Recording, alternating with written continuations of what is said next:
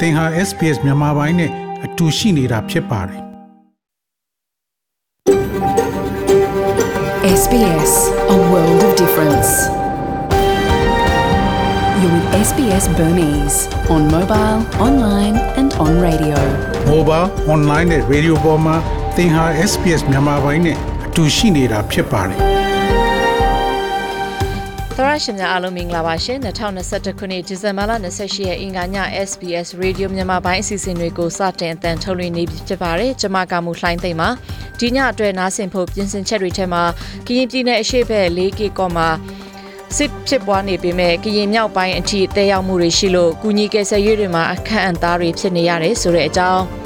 ကရင်ပြည်နယ်မှာဖြစ်နေတဲ့စစ်တွေနဲ့ဆက်ဆက်ပြီးဩစတြေးလျရောက်ကရင်လူမျိုးတွေဘယ်လိုခံစားကြရသလဲဘာတွေလှုပ်ဆောင်ဖို့ရှိသလဲဆိုတာနဲ့ဆက်ဆက်ပြီးမေးမြန်းထားတဲ့အကြောင်းတွေကိုနားဆင်ရမှာဖြစ်ပါတယ်။အဲဒီနောက်မှာတော့နေရာဒီចောင်းပိတ်ကာလအတွင်းမိသားစုလိုက်ပြည်ပခရီးထွက်တာမျိုးတွေလုပ်ကြမှာဖြစ်လို့ခီးသွားအကြံပေးတာတွေကအဆင့်သတ်မှတ်ပြီးအကြံပြုချက်ပေးထားတယ်ဆိုတဲ့အကြောင်းအတူချုပ်တင်ပြမှာဖြစ်သလိုအာနာသိန်းကာလအတွင်းဘာသာပေါင်းစုံကောင်းမွန်စွာဝုပြုခွင့်မရှိတဲ့မရှိတဲ့အကြောင်းတန်လွင်ခဲ့ရဲ့ပေးပို့ချက်တွေကိုလည်းနားဆင်ရမှာဖြစ်ပါတယ်။အခုတော့သတင်းတွေနဲ့အရင်စမှာဖြစ်ပါတယ်ရှင်။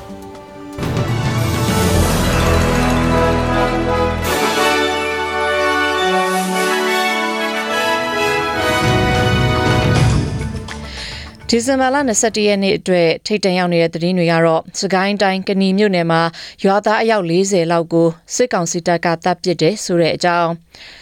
COVID-19 ကူးစက်မှုတွေကြောင့်ခရစ်စမတ်ပွဲတော်ကိုကျင်းပတာမျိုးတတိထားဖို့ကမ္ဘာ့ကျန်းမာရေးအဖွဲ့ WHO ကတတိပေးလိုက်တယ်ဆိုတဲ့အကြောင်းနဲ့ဩစတြေးလျနိုင်ငံမှာကိုဗစ်ဆိုင်ရာတင်းကျပ်မှုတချို့ပြန်လည်ချမှတ်တဲ့မတဲ့မနက်ဖြန်မှာဝန်ကြီးများအဖွဲ့တွေးဆုံဆွေးနွေးကြမယ်ဆိုတဲ့သတင်းတွေအပြင်တခြားထူးခြားတဲ့သတင်းတွေကိုလည်းနားဆင်ရဖို့ရှိပါတယ်ရှင်။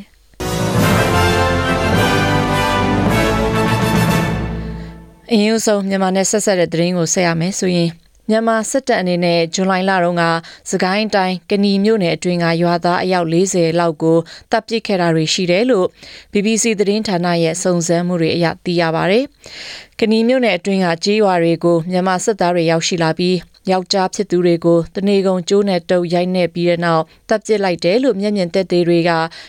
မျက်မြင်သက်သေတွေထွက်ဆိုသလိုဗီဒီယိုနဲ့ ဓာတ်ပုံအထောက်ထားတွေကိုကိုးကားပြီးတော့ဖော်ပြထားပါတယ်။အသက်ခံရတဲ့ရွာသားတွေထဲမှာအသက်18နှစ်အရွယ်တွေလည်းပါဝင်ပြီးရွာသူတူဆိုရင်အကိုဖြစ်သူတူလေးဖြစ်သူနဲ့ရောက်ဖဖြစ်သူတို့အသက်ခံခဲ့ရတယ်လို့ဆိုပါတယ်။ BBC ကနေမျက်မြင်သက်သေဆက်တူကိုမေးမြန်းခဲ့ပြီးသူတို့ရဲ့ပြောဆိုချက်ကိုဗီဒီယိုတွေဓာတ်ပုံတွေနဲ့နှိုင်းယှဉ်မှုတွေလုပ်ခဲ့တယ်လို့ဆိုပါတယ်။မျက်မြင်သက်သေတွေရဲ့အဆိုအရသူတို့ကမလုပ်ဖို့တောင်းပန်ပေမဲ့လည်းမရတဲ့အကြောင်းမကြည့်ရတဲ့အဆုံးခေါင်းငုပ်ပြီးငိုကြွေးခဲ့ရတယ်လို့ပြောဆိုကြပါတယ်။ဖန်ဆီးခံရတဲ့လူတွေထဲမှာခင်ပွန်းခင်ပွန်းတယ်တွေပါဝင်ရင်ဖျားစာသာရွတ်တော်ဆိုပြီးတော့လဲစစ်သားတွေကပြောခဲ့တယ်လို့ပြန်လည်ပြောပြခဲ့ကြပါတယ်။ အများဆုံးအသက်ခံရတဲ့ကြီးရွာတွေကတော့ရင်းဆိုတဲ့ရင်းဆိုတဲ့ကြေးရွာဖြစ်ပြီးရွာသားအနည်းဆုံး14ဦးနှိပ်စက်တပ်ဖြတ်ခံရပြီးတောရှိုတွေထဲမှာအလောင်းတွေပြစ်ချခဲ့တယ်လို့ဆိုပါတယ်။အဲဒီလိုတပ်ဖြတ်မှုတွေဟာဇီးပင်တွင်းရွာမှာလည်းဖြစ်ပွားခဲ့ပြီးပျက်စီးနေတဲ့အလောင်း12လောင်းကိုတွေ့ခဲ့ရပြီးတော့အဲ့ဒီအထဲမှာကလေးငယ်ရဲ့အလောင်းလို့ထင်ရတဲ့အလောင်းတစ်လောင်းအပြင်မတန်ဆွမ်းသူတူဦးလည်းပါဝင်တယ်လို့ဆိုပါတယ်။ အသက်60ဝန်းကျင်အရွယ်အမျိုးသားတဦးရဲ့အလောင်းကိုတော့ဇီးပင်တပင်အနားမှာတုံနှောင်ခံနေရတဲ့ပုံကိုတွေ့ခဲ့ရတယ်လို့ဆိုပါတယ်။သူ့ရဲ့မိသားစုဝင်တွေရဲ့အဆိုအရအဲ့ဒီအမျိုးသားရဲ့သားနဲ့မြေးတွေကစစ်သားတွေရွာထဲဝင်လာတာနဲ့ရွာကနေထွက်ပြေးကြပေမဲ့သူကအသက်ကြီးပြီမို့ဘာမှလုပ်မှာမဟုတ်ဘူးလို့ယူဆပြီးကြံနေခဲ့သူဖြစ်တယ်လို့မိသားစုဝင်တွေကပြောပါတယ်ဒီလိုတပ်ဖြတ်တဲ့ကိစ္စကိုစစ်ကောင်စီရဲ့ပြောခွင့်ရပုဂ္ဂိုလ်ကပုဂ္ဂိုလ်ကို BBC ကမေးမြန်းရမှာ ငင်းဆိုမှုမရှိဘဲဒီလိုအရာတွေကဖြစ်တတ်တဲ့အကြောင်းစစ်သားကိုရန်သူလို့ဆက်ဆံတဲ့နေရာမှာမိမိကိုယ်ကိုကာကွယ်ခွင့်ရှိတယ်ဆိုပြီးတုံ့ပြန်ခဲ့ပါတယ်။အခုလောလောဆယ်မြန်မာစစ်တပ်ရဲ့လူအခွင့်အရေးချိုးဖောက်မှုတွေနဲ့ပတ်သက်ပြီးကုလသမဂ္ဂကလည်းစုံစမ်းစစ်ဆေးမှုလုပ်နေပါတယ်။ဒီဇင်ဘာလ20ရက်မနေ့တုန်းကလူအခွင့်အရေးလူ ကရင်လူအခွင့်ရေးအဖွဲ့ဟာတခြားလူမျိုးစုအဖွဲ့အစည်းပေါင်းစုံနဲ့လူမှုအဖွဲ့အစည်းအများအပြားတွေနဲ့ပူးပေါင်းပြီးတော့ရိုဟင်ဂျာတွေအစုလိုက်တပ်ဖြတ်ခံရတဲ့ကိစ္စနဲ့ပတ်သက်ပြီး ICJ ICC နဲ့အာဂျင်တီးနားတရားရုံးမှာအမှုကြားနာနေတာနဲ့ပတ်သက်ပြီးထောက်ခံကြောင်းထုတ်ပြန်ကြပါတယ်ဒီထုတ်ပြန်ချက်နဲ့ပတ်သက်ပြီးကရင်လူခွင့်ရေးအဖွဲ့ကိုဆက်သွယ်ခဲ့ပေမဲ့မအားလာတာကြောင့် နောက်မှပြန်ခေါ်ဖို့ပြောဆိုပေမဲ့အတန်လွင့်ချိန်နဲ့နီးကပ်လို့မရလိုက်ပါဘူး Global Witness လို့ခေါ်တဲ့အဖွဲ့ကနိုင်ငံတကာအဖို့တန်ရတနာပစ္စည်းရောင်းဝယ်သူတွေအနေနဲ့သူတို့ရဲ့ငွေကြေးကမြန်မာနိုင်ငံမှာလူအခွင့်အရေးချိုးဖောက်မှုတွေလာစားမှုတွေနဲ့မတည်ငြိမ်မှုတွေဖြစ်စေတတ်တာကြောင့်တတိထားဖို့တိုက်တွန်းထားပါတယ်။ကြောက်စိန်ပရမများစတဲ့အဖို့တန်ကြောက်မြဲသနာတွေဟာ အများဆုံးများပြီးဒီလုပ်ငန်းဟာမြန်မာစစ်တပ်အတွက်အရေးပါတဲ့ဝင်ငွေဖြစ်တဲ့အတွက်တတိထားကြဖို့အဂတိလိုက်စားမှုတိုက်ဖျက်ရေးအဖွဲ့တစ်ခုဖြစ်တဲ့ Global Witness ကအရင်တစ်ပတ်မှာထုတ်ပြန်တဲ့အစီရင်ခံစာမှာဖော်ပြထားတာပါမြန်မာကြောက်မြတ်ရတနာလုပ်ငန်းဟာ2014ခုနှစ်တုန်းကဒေါ်လာတန်ဖိုး 346တန်းရှိပြီး2019ခုနှစ်မှာဒေါ်လာ415တန်းလောက်ပြန်မြန်အားဖြင့်တန်ဖိုးရှိတယ်လို့ပြောပါရယ်။ဒါဟာတရားဝင်အချက်လက်သားဖြစ်ပြီးတရားမဝင်ရောင်းဝယ်မှုတွေလည်းရှိတဲ့အတွက်ပြန်မြန်အားဖြင့်တစ်နှစ်ကိုဒေါ်လာ1.3ဘီလီယံကနေ2.3 3ခွန်ဘီလီယံအထိရှိနိုင်တယ်လို့ခန့်မှန်းကြပါတယ်။အခုဆိုရင်အဲ့ဒီလုပ်ငန်းတွေကိုစစ်တပ်ကချုပ်ကင်ထားတဲ့အတွက်ကြောက်မြက်ရတနာရောင်းဝယ်သူတွေအနေနဲ့မိမိရဲ့ကြောက်မြက်ရတနာတွေဘယ်သူဘယ်သူစီကဘယ်ကနေရောက်လာတယ်လဲဆိုတာကိုလေ့လာဖို့မြန်မာနိုင်ငံကမတည်ငြိမ်မှုတွေကိုပံ့ပိုးပေးနေတဲ့ငွေကြေးမျိုးမဖြစ်အောင်တတိထားကြဖို့တိုက်တွန်းထားပါတယ်။အခုလောလောဆယ်မြန်မာနိုင်ငံမှာကြောက်မြဲသနာတူးဖော်ခွင့်လိုင်စင်တွေက2020 2020 ပြည့်နှစ်ကလေးကတဲ့တန်းကုံသွားတာဖြစ်လို့အခုလောလောဆယ်တူးဖော်မှုတွေကတရားမဝင်ဘူးလို့အရာရှိတွေနဲ့လုပ်ငန်းဒီလုပ်ငန်းတွေကိုလုပ်ကင်သူအယောက်150ကိုကိုးကားပြီးတော့လဲဖော်ပြထားပါတယ်။တရားဝင်လိုင်စင်မထုတ်ပေးပေမဲ့အာနာသိမ့်ပြီးတဲ့နောက်ပိုင်းမှာကြောက်မြတ်ရတနာတူးတဲ့လုပ်ငန်းတွေဟာတဟုန်ထိုးများလာနေတယ်လို့လဲဆိုပါတယ်။ ဩစတြေးလျနိုင်ငံဘက်ကသတင်းမှာတော့ကျန်းမာရေးအဖွဲ့အစည်းတွေက COVID-19 ရောဂါပြန့်နှံ့မှုကိုနှေးခွေးစေဖို့အတွက်တင်းကြပ်မှုတချို့ကိုချမှတ်ဖို့ပြည်내အစိုးရနဲ့ဒေသအစိုးရအသီးသီးကိုတိုက်တွန်းနေကြပါတယ်။ဩစတြေးလျနိုင်ငံမှာ COVID-19 ရောဂါကူးစက်မှုတွေမြင့်တက်လာနေတဲ့အတွက်အဆောက်အုံအတွင်းနှာခေါင်းစည်းတွေမဖြစ်မနေတပ်ဆင်ခိုင်းဖို့သင့်မသင့်နဲ့ ဘယ်အချိန်မှာဆေးရှိန်မပြေအောင်တတိယမြောက် COVID-19 ကာကွယ်ဆေး booster dose ထိုးသင့်တယ်လဲဆိုတဲ့အကြောင်းတွေကိုဆွေးနွေးဖို့မနက်ဖြန်ကြရင်ဝန်ကြီးများအဖွဲ့အစည်းအဝေးကျင်းပဖို့ရှိပါတယ်။ Royal Australia Asian College of Physicians အဖွဲ့က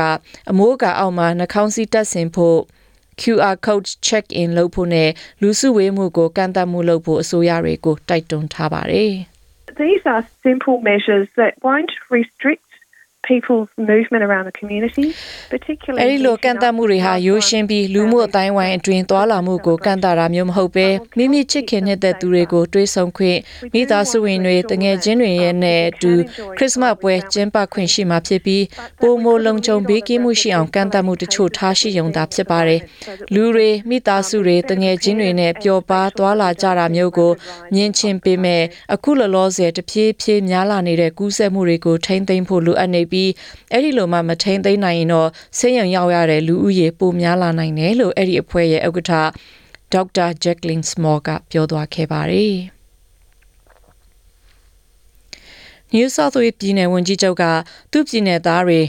COVID-19 booster dose ကာကွယ်ဆေးစောစောစီးစီးရရှိဖို့အစွမ်းကုန်လှုံ့ဆော်သွားမယ်လို့ပြောပါတယ်။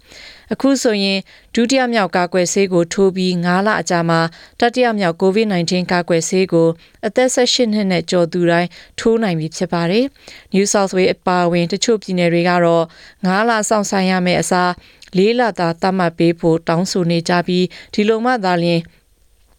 Omicron မျိုးကွဲရန်ကနေပိုမိုကာကွယ်နိုင်မယ်လို့ပြောဆိုနေကြပါတယ်။ ပျော်ပွဲရှင်ပွဲများတဲ့ခရစ်စမတ်နှစ်သစ်ကူကာလအတွင်းတတိယမြောက်ကာကွယ်ဆေးကိုထိုးဖို့လှုံ့ဆော်ရတာဟာစိန်ခေါ်မှုများပေမဲ့သူကတော့အစွမ်းကုန်စ조사သွားမယ်လို့ New South Wales ပြည်နယ်ဝန်ကြီးချုပ်ကပြောပါတယ်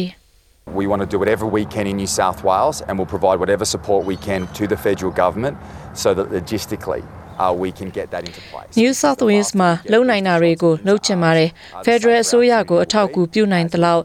ပံ့ပိုးမှုတွေလုပ်ပေးမှာဖြစ်ပြီးအဲ့ဒီလိုလုံမှသာလျှင်အရာအလုံးနေရာအတီးတကျရှိမှာဖြစ်ပါတယ်။ Booster dose ကိုမြန်မြန်ထိုးနိုင်လေလေလူမှုအတိုင်းဝိုင်းမှာလုံခြုံဘေးကင်းလေလေဖြစ်ပြီး New South Wales ကိုဆက်လက်ဖွင့်လှစ်ထားနိုင်မှာဖြစ်တယ်လို့ပြောပါတယ်။ New Zealand နိုင်ငံမှာတော့တတိယမြောက် booster dose ကို ဒုတိယမြောက်ကာကွယ်ဆေးထိုးပြီး6လအကြာဒါမှမဟုတ်6လကျော်မှပဲထိုးကြဖို့သတ်မှတ်ထားပေမဲ့လာမယ့်နှစ်ကစပြီး4လအကြာမှထိုးနိုင်တယ်လို့ပြောင်းလဲသတ်မှတ်ထားပါတယ်။ New South Wales ပြည်နယ်မှာဒီကနေ့ယောဂကူးစက်သူ3059ဦးများလာပြီးစံချိန်တင်နေပါတယ်။ ဩစတြေးလျနိုင်ငံမှာ COVID-19 ရောဂါရှိမရှိမိမိဖာသာစစ်ဆေးလို့ရတဲ့ Rapid Antigen စစ်ဆေးစမ်းသပ်စစ်ဆေးရေးကိရိယာတွေကိုအဝယ်များနေတဲ့အတွက်အယောင်းဆိုင်တွေမှာလုံလုံလောက်လောက်မယောင်းချနိုင်တဲ့အနေအထားဖြစ်နေပါတယ်။ခရစ်စမတ်ကာလနီးကာလာတာနဲ့အမျှပွဲတွေတစ်ခုခုမသွားခင်မှာအိမ်ကနေယောဂါရှိမရှိအရင်စစ်ဆေးမှုလုပ်လာတာမျိုးတွေလည်းများပြားလာပါတယ်။ အဲ့ဒီလေအဲ့ဒီလိုစမ်းသပ်ရေးကိရိယာတွေဟာမှန်ကန်မှုရာခိုင်နှုန်းများပေမဲ့လည်းတခါတလေမှာယောဂမရှိပေမဲ့ယောဂရှိတဲ့အကြောင်းပြသတာမျိုးဖြစ်နိုင်တယ်လို့ညွှန်ကြားမှုအတိုင်းတေချာမလုပ်ရင်ယောဂရှိရတဲ့အဖြေမှားထွက်တာမျိုးလည်းဖြစ်နိုင်တယ်လို့ပြောဆိုထားပါတယ် It's a step by step process and we lock in timers etc. Uh, we also include ဒီလိုအရာတွေကတဆင့်ပြီးတဆင့်လောက်ရတာမျိုးဖြစ်ပါတယ်။ယောဂရှိမရှိမိမိဖာသာစစ်ဆေးပြီးစစ်ဆေးမှုရလာတဲ့ရလဒ်ကိုဓာတ်ပုံရိုက်ပြီးတော့အလုံးရှင်ဒါမှမဟုတ်ကျောင်းကအမှုတန်းကိုပြသတာမျိုးတွေလုပ်ပြီးတော့လိုက်နာမှုရှိမရှိစနစ်တွေချထားတာမျိုးလုပ်တဲ့နယ်လို့ Guardian လို့ခေါ်တဲ့စေဝါကုမ္ပဏီရဲ့အကြီးအကဲ Graham Gordon ကပြောပါတယ်။ Queensland ပြည်နယ်မှာတော့ကာကွယ်ဆေးအပြည့်အဝထိုးထားပြီး quarantine ဝင်နေရတဲ့လူတွေအနေနဲ့ quarantine ဝင်ရမယ့်သက်တမ်းတဝက်လျှော့ပေးလိုက်ပြီးတော့မနက်ဖြန်ကစပြီးအပြင်ထွက်လာအပြင်သွားလာခွင့်ရတော့မှာဖြစ်ပါတယ်။ Queensland ပြည်နယ်မှာဒီကနေ့ကူးစက်သူ86ဦးရှိပြီးဒါဟာ Queensland ပြည်နယ်ရဲ့အများဆုံးကူးစက်မှုနှုန်းကူးစက်မှုများတဲ့နေ့အဖြစ်စံချိန်တင်နေပါတယ်။ယောဂရှိသူနဲ့ထိတွေ့မှုရှိသူတွေကိုအခုအခါ9ရက်တာ ကောက် quarantine ဝင်ရမယ်လို့သတ်မှတ်ပေးလိုက်တာကစီးပွားရေးလုပ်ငန်းတွေအတွက်အကျိုးရှိမယ်လို့ယူဆနေကြပါတယ်။ quarantine ဝင်စားတရက်နဲ့ယောဂလက္ခဏာပြလာရင် quarantine ဝင်တဲ့9ရက်မြောက်နေ့မှာယောဂစစ်ဆေးမှုခံယူရမယ်လို့ပြည်내ရဲ့ကျန်းမာရေးအရာရှိ John Jarrett ကပြောပါတယ်။ For those individuals who are unvaccinated, uh, the, the quarantine period continues the, the same. It will be 14 days as before that will not be ကာကွယ်ဆေးမထိုးထားတဲ့လူတွေကတော့ quarantine ကာလကအရင်အတိုင်းပဲ14ရက်ပဲရှိနေမှာဖြစ်ပါတယ်။ကာကွယ်ဆေးမထိုးရင် quarantine ရက်ကို short ပေးမှာမဟုတ်ပဲဒီလိုသတ်မှတ်ချက်တွေဟာနိုင်ငံတော်ရဲ့လမ်းညွှန်ချက်နဲ့ကိုက်ညီတယ်လို့ပြောဆိုခဲ့ပါတယ်။ကဘာနဲ့ဆက်ဆက်တဲ့သတင်းတစ်ပုဒ်မှာတော့ဒိန်းမနိုင်ငံကလူဝင်မှုကြီးကြပ်ရေးဝန်ကြီးဟောင်းဟာလွှတ်တော်အမအဖြစ်ကနေဖယ်ရှားခံရမယ့်အနေအထားရှိနေပါတယ်။ သူမဟာခိုးလုံခွင့်တောင်းလို့သူဇနီးမောင်နှံရဲ့အခွင့်အရေးကိုချိုးဖောက်တဲ့အတွက်လွှတ်တော်ကနေဖယ်ရှားခံရမယ့်အနေအထားရှိနေပါတယ်။ Inga Stokbach ဟာသူမလူဝင်မှုကြီးကြပ်ရေးဝန်ကြီးအဖြစ်တာဝန်ယူတော့ဒိန်းမတ်နိုင်ငံမှာခိုးလုံခွင့်တောင်းတဲ့ဇနီးမောင်နှံကိုခွဲခြားမှုလုပ်လိုက်ပြီးအဲ့ဒီအချိန်တုန်းက အမျိုးသမီးဖြစ်သူကအသက်၈နှစ်အောက်ဖြစ်ပြီးဒီလိုလှုပ်ဆောင်တာဟာဥရောပရဲ့လူအခွင့်အရေးဥပဒေကိုချိုးဖောက်ရာရောက်တယ်ဆိုပြီးတော့အသက်48နှစ်အရွယ်လူဝင်မှုကြီးကြပ်ရေးဝန်ကြီးကိုရက်ပေါင်း60ကြာအကျဉ်းချထားခဲ့ချထားခဲ့ပါတယ်။အခုတခါအဲ့ဒီဝန်ကြီးတွေဝန်ကြီးတွေရဲ့လောက်ရကိုစီရင်တဲ့တရားရုံးမှာရင်ဆိုင်နေရပြီးတော့သူမပါတီဟောင်းအပါအဝင် အားလုံးကသူ့ကိုလွှတ်တော်ကအမတ်အဖြစ်ကနေဖယ်ရှားပြစ်မဲ့အနေအထားမှာရှိနေပါတယ်။ ဖိလစ်ပိုင်နိုင်ငံကစူပါတိုင်ဖုန်းမုန်တိုင်း Rai ရဲ့ဒဏ်ကိုခံရတဲ့လူတွေကိုကူညီကြဖို့ Oxfam အဖွဲ့ကတိုက်တွန်းလိုက်ပါတယ်။ဖိလစ်ပိုင်မှာဝင်ရောက်တဲ့အင်အားပြင်းမုန်တိုင်းကြောင့်အနည်းဆုံးလူ208ဦးသေဆုံးရတယ်လို့ဖိလစ်ပိုင်အာဏာပိုင်အာဏာပိုင်တွေကပြောပါတယ်။ဒေသခုနှစ်ခုကလူဦးရေ1.8တန်းကျော်မုန်တိုင်းကြောင့်ထိခိုက်နေမှုဖြစ်နေရတယ်လို့လည်းဖော်ပြထားပါတယ်။ နောက်ထပ်ကဘာနဲ့ဆက်ဆက်တဲ့သတင်းတစ်ပုဒ်မှာတော့ COVID-19 ရောဂါကူးစက်မှုမြင့်မားလာနေတဲ့နိုင်ငံတွေမှာခရစ်စမတ်ပွဲတော်ကျင်းပတာမျိုးမလုပ်သင့်ဘူးလို့ကမ္ဘာ့ကျန်းမာရေးအဖွဲ့အကြီးအကဲကပြောဆိုလိုက်ပါတယ်။ခရစ်စမတ်ပွဲကိုအခုဖြတ်သိမ်းပြီးနောက်မှပဲ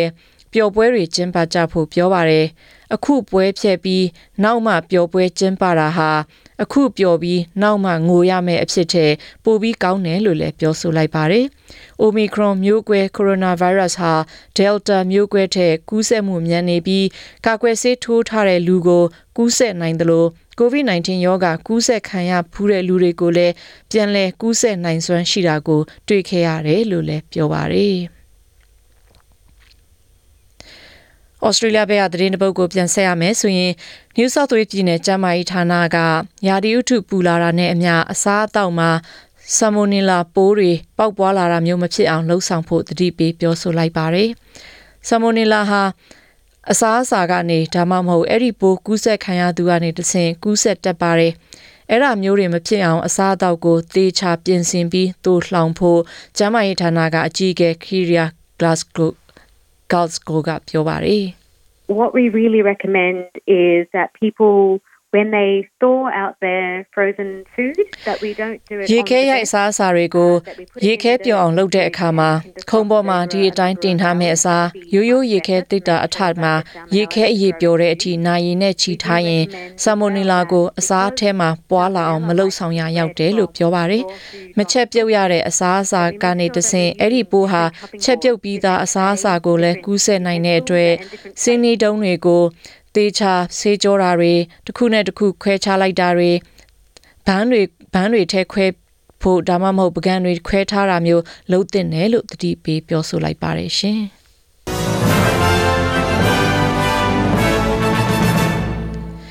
မနေ့ဖန်ဗုဒ္ဓနေ့အတွက်မိုးလေဝသတွေကတော့ Perth မြို့မှာနေတာပြီးအမြင့်ဆုံးပူချိန်32ဒီဂရီရှိချိန်မှာ Adelaide မှာ တိမ်ထူပြီး29ဒီဂရီရှိမှဖြစ်ပါတယ်။ Melbourne မှာတိမ်ထူပြီး20ဒီဂရီရှိချိန်မှာ Hobart မှာအလားတူတိမ်ထူပြီးတော့18ဒီဂရီရှိမှဖြစ်ပါတယ်။ကင်မရာမြို့မှာနေတာပြီး30ဒီဂရီရှိချိန်မှာဆစ်ဒနီမြို့မှာတော့မိုးရွာနိုင်ပြီး26ဒီဂရီရှိမှဖြစ်ပါတယ်။ Brisbane မြို့မှာနေတာပြီး32ဒီဂရီရှိချိန်မှာဒါဝင်မြို့မှာတော့မိုးတမိုးနမိုးရွာနိုင်ပြီးအမြင့်ဆုံးပူချိန်33ဒီဂရီရှိမှဖြစ်ပါတယ်ရှင်။ ငွေလဲလှယ်နှုန်းမှာတော့ Australia ဒေါ်လာဟာ American ဒေါ်လာ80စင်ရှိပြီး Euro ဒသမ63နဲ့ဈေးပေါက်နေပါတယ်။တခါ Australia ဒေါ်လာဟာထိုင်းဘတ်24ဘတ်နဲ့ဈေးပေါက်နေပြီးမြန်မာကျပ်ငွေ1250ကျပ်ဝန်းကျင်နဲ့ဈေးပေါက်နေပါတယ်ရှင်။